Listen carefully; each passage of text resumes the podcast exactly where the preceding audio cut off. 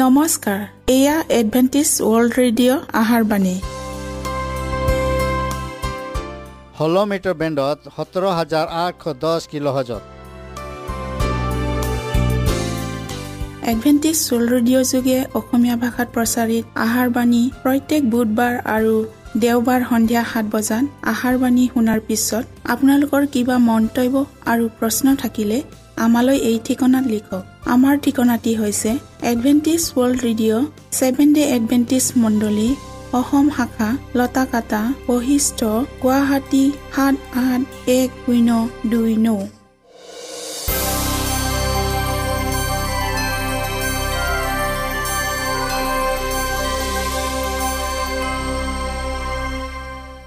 প্ৰিয় শ্ৰোতা বন্ধুসকল এতিয়া শুনো আহক এটি খ্ৰীষ্টীয় ধৰ্মীয় গীত।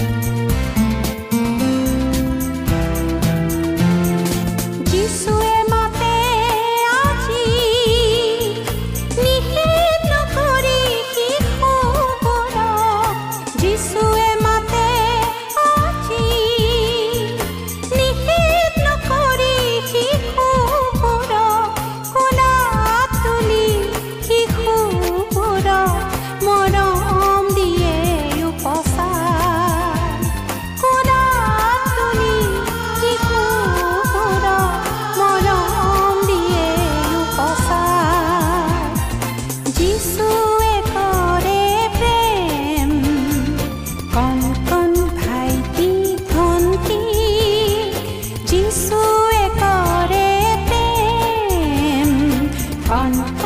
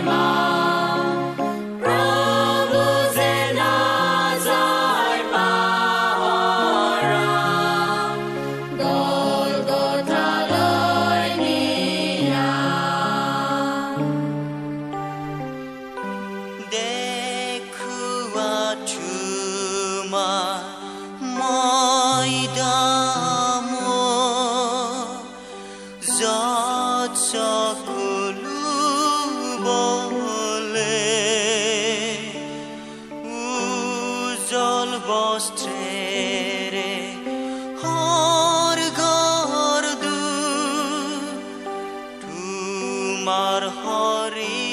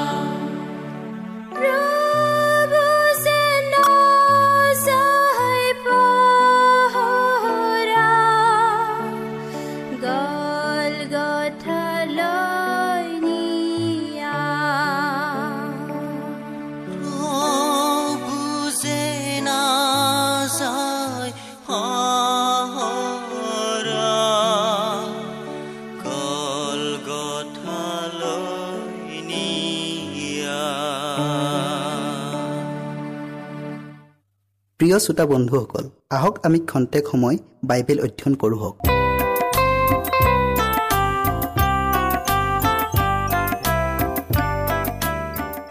আজিৰ বিষয় হৈছে মৃত লোকে কথা ক'ব পাৰেনে? ভৌতিক কলাবিদ্যা চৰ্চা ক্ৰমান্বয়ে অগ্ৰসৰ হৈ বৰ্তমানত মানুহৰ মন যিদৰে আকৰ্ষিত কৰিছে তাৰ বিষয়ে আমি জনাবলৈ ইচ্ছা কৰিলোঁ। এই বিদ্যাৰ মূল শিক্ষা এই যে মৃত্যুৰ পিছত মানুহৰ সজ্ঞান অৱস্থাত আহে আৰু এই ভৌতিক ঐন্দ্ৰজালিকতাৰ যোগেদি মৃত লোকৰ আত্মাই জীৱন্ত লোকেৰে সৈতে আদান প্ৰদান কৰিব পাৰে। ইয়াৰ আন শিক্ষাবোৰো এই মূল শিক্ষাৰেই অনুৰূপ। ভৌতিক অদ্ভুত কৰ্মবোৰ এই উদ্দেশ্যেই দেখুওৱা হয় যাতে মানুহৰ মনত এটা বিশ্বাস জন্মে যে মৃতবিলাক সজ্ঞান অৱস্থাত থাকে আৰু এই প্ৰেত আত্মাবোৰেৰে সৈতে ইন্দ্ৰজালৰ যোগেদি মানুহে কথা বতৰা পাতিব পাৰে। এই বিদ্যাৰ দ্বাৰাই ইমান আচৰিত আৰু অদ্ভুত কৰ্মবোৰ কৰা হয়। আৰু এই কৰ্মবোৰ এনে স্বাভাৱিক যেন বোধ হয় যে বিজ্ঞান অনুসন্ধানকাৰী বৈজ্ঞানিক সম্পাদক ৰাষ্ট্ৰজ্ঞ পণ্ডিত ধৰ্মশিক্ষাগুৰু দাৰ্শনিক পণ্ডিত আদি কৰি জ্ঞানীসকলেও সন্মতি দিবলৈ বাধ্য হয় যে মৃত্যুৰ পিছত মানুহৰ চেতনাবোধ থাকে আৰু জীৱিত লোকবিলাকৰে সৈতে কথা বতৰাৰ আদান প্ৰদান কৰিব পাৰে। যি স্থলত এই ভৌতিক ক্ৰিয়াৰ দ্বাৰাই মানুহে সত্য ত্যাগ কৰি প্ৰচণ্ড প্ৰবঞ্চনা সাগৰত ডুবিবৰ উপক্ৰম হৈছে তেনে স্থলত ঈশ্বৰে এই সম্বন্ধে কি প্ৰকাশ কৰে? তাক আমি আলোচনা কৰা উচিত। ই এটা অতি ক্ষমতাশালী প্ৰবঞ্চনা।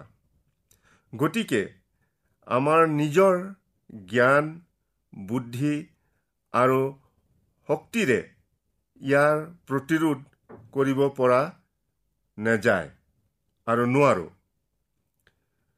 ঈশ্বৰে তেওঁৰ মনোনীত জাতি ইছৰাইলবিলাকক কৈছিল ভূত পোহা আৰু গুণমন্ত্ৰ জনাবিলাকৰ ফাললৈ মুখ নকৰিবা। নিজকে অসুচি কৰিবৰ নিমিত্তে সিহঁতক সুধিবলৈ সিহঁতৰ ওচৰলৈ নাযাবা। মই তোমালোকৰ ঈশ্বৰ যি হোৱা। যি সকলোৱেই ঐন্দ্ৰজালিকতাৰে মৃত আত্মাৰে সৈতে আদান প্ৰদান কৰিব পাৰে বুলি কয়। তেওঁবিলাকে ভূত পিশাচ আদি আত্মাবোৰ পোষণ কৰি সেইবোৰৰ সাহায্যেৰে এই আচৰিত কাৰ্যবোৰ সমাধা কৰে বুলি দাবী কৰে। উপৰোক্ত বচনেৰে ঈশ্বৰে তেওঁৰ লোকবিলাকক সতৰ্ক কৰিছে যাতে এনে ধৰণৰ প্ৰেত আত্মা পোষণ কৰা লোকেৰে সৈতে তেওঁবিলাকে সহযোগিতা নাৰাখে আৰু তেনে কৰোতাজন অসুচী হয় বুলি জনাইছে। আৰু মই বিচাৰ কৰিবলৈ তোমালোকৰ ওচৰলৈ আহিম আৰু মায়াবীৰ বিৰুদ্ধে মই বেগাই সাক্ষী হ'ম শাস্ত্ৰই এই কথা কয়। কিন্তু তোমালোকে হ'লে তোমালোকে বাবিলৰ ৰজাৰ বন্দী কাম কৰিবলৈ নেপাবা। এই বুলি তোমালোকক কোৱা ভাৱবাদী মংগলতী স্বপ্নদৰ্শক গণক কি মায়াবীৰ কথা নুশুনিবা। কিয়নো তোমালোকৰ আগত সিহঁতে মিছা ভাৱবাণী প্ৰচাৰ কৰে। ভৌতিক কলাবিদ্যাই ভৱিষ্যত গণনা সঠিককৈ কৰিব বুলি ভুৱা দিয়ে। কিন্তু প্ৰকৃতপক্ষে ইয়াৰ দ্বাৰাই ভাবি ঘটনাৰ বিষয়ে জানিব পৰা নেযায়। আৰু ই ভৱিষ্যতবাণীও কৰিব নোৱাৰে। এই দাবী এটা প্ৰবঞ্চনা মাত্ৰ।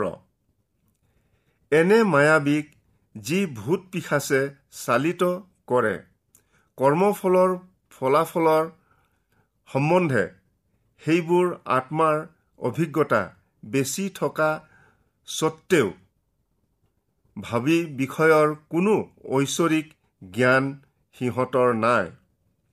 ভৌতিকতাই যদি কালিলৈ বা তাৰ পৰৱৰ্তী দিনত কি হ'ব জানিলেহেঁতেন তেন্তে এই মায়াবী আৰু মংগল চাওঁতাই বেহা বেপাৰৰ বজাৰ দৰত অতি লাভজনক ব্যৱসায় কৰিব পাৰিলেহেঁতেন। সম্ভৱপৰ হোৱা হ'লে তেওঁবিলাকে দলিল পত্ৰ আৰু বেপাৰ বাণিজ্যৰ বজাৰ ভাও বাঢ়িব বা টুটিব তাক পূৰ্বেই জানি লৈ লাভজনক প্ৰতিযোগিতা কৰিব পাৰিলহেঁতেন। প্ৰেত আত্মাই বিদ্যাই যদি প্ৰমাণ দিব খোজে যে অসাধাৰণ বিস্ময়কৰ আৰু অদ্ভুত কাৰ্যকলাপৰ বাহিৰেও ইয়াৰ ঐশ্বৰিক ক্ষমতাও আছে। তেন্তে এই পৰীক্ষাৰ আগত থিয় হ'ব পাৰে নে নোৱাৰে চোৱা যাওক। আগলৈ কি ঘটিব তাক আমাৰ আগত প্ৰকাশ কৰক। যিজনে এই প্ৰস্তাৱ আনিছে তেওঁ স্বয়ং সেই পৰীক্ষাৰ প্ৰমাণ দেখুৱাইছে। এইদৰে ক্ৰমান্বয়ে বাইবেলৰ ভাৱবাণীবোৰ সঁচাকৈয়ে পৃথিৱীৰ ইতিহাসত হুবহু ফলি যোৱা ঈশ্বৰৰ সৰ্বজ্ঞানী গুণ প্ৰকাশ পাইছে। আৰু লগতে তেওঁৰ লোকবিলাকৰ বাইবেলত বিশ্বাস আৰু ভৰসা ৰখাৰ যথাৰ্থতাও বৃদ্ধি পাইছে। মিছৰ বাবিল তুৰ নিনবী আদি দেশ আৰু ৰাজ্যবিলাকৰ পতন ঈশ্বৰৰ ভৱিষ্যতবাণী অনুসাৰে ফলিয়ালে। এই ঘটি যোৱা সত্য ঘটনাবোৰেই খ্ৰীষ্টিয়ান বিশ্বাসৰ ভিত্তিমূল।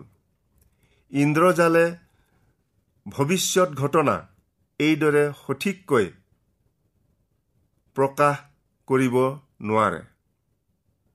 তদুপৰি ইয়াৰ যে কোনো ঐশ্বৰিক উৎপত্তি আছে তাৰো বিশ্বাসযোগ্য প্ৰমাণ দিব নোৱাৰে।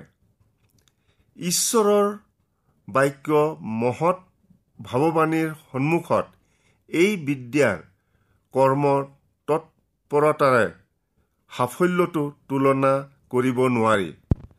যেনেকৈ নকল টকা এটা খাটি টকাৰ লগত তুলনা কৰিব পৰা নেযায় তেনেকৈ ভূত পোহা মানুহৰ প্ৰেত আত্মাৰ বাতৰিও ভাৱবাণীসকলৰ ভৱিষ্যতবাণীৰ সৈতে তুলনা কৰা অনুচিত।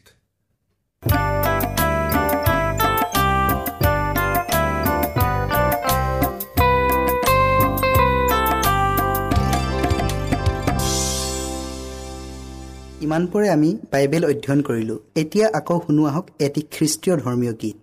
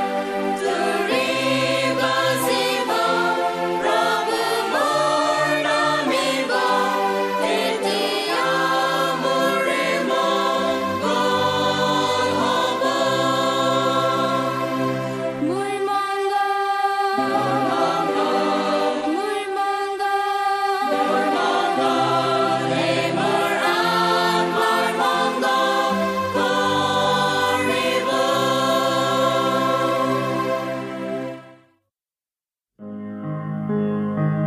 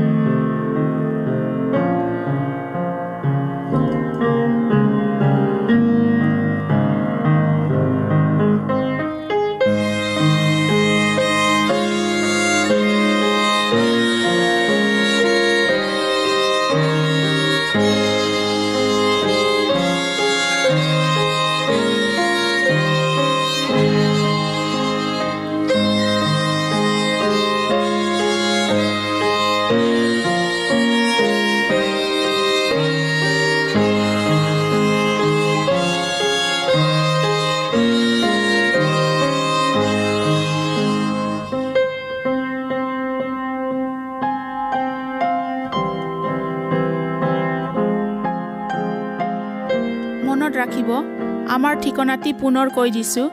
Adventist world radio' Assam region of seven day Adventist voice of hope Latakata Basistha Guwahati seven eight one zero' two nine প্ৰিয় শ্ৰোতা বন্ধুসকল এডভেণ্টিজ ৱৰ্ল্ড ৰেডিঅ' যোগে আহাৰবাণী প্ৰচাৰত আপোনালোকক পুনৰ লগ পোৱাৰ আহাৰে আজিলৈ সামৰিলোঁ। ধন্যবাদ।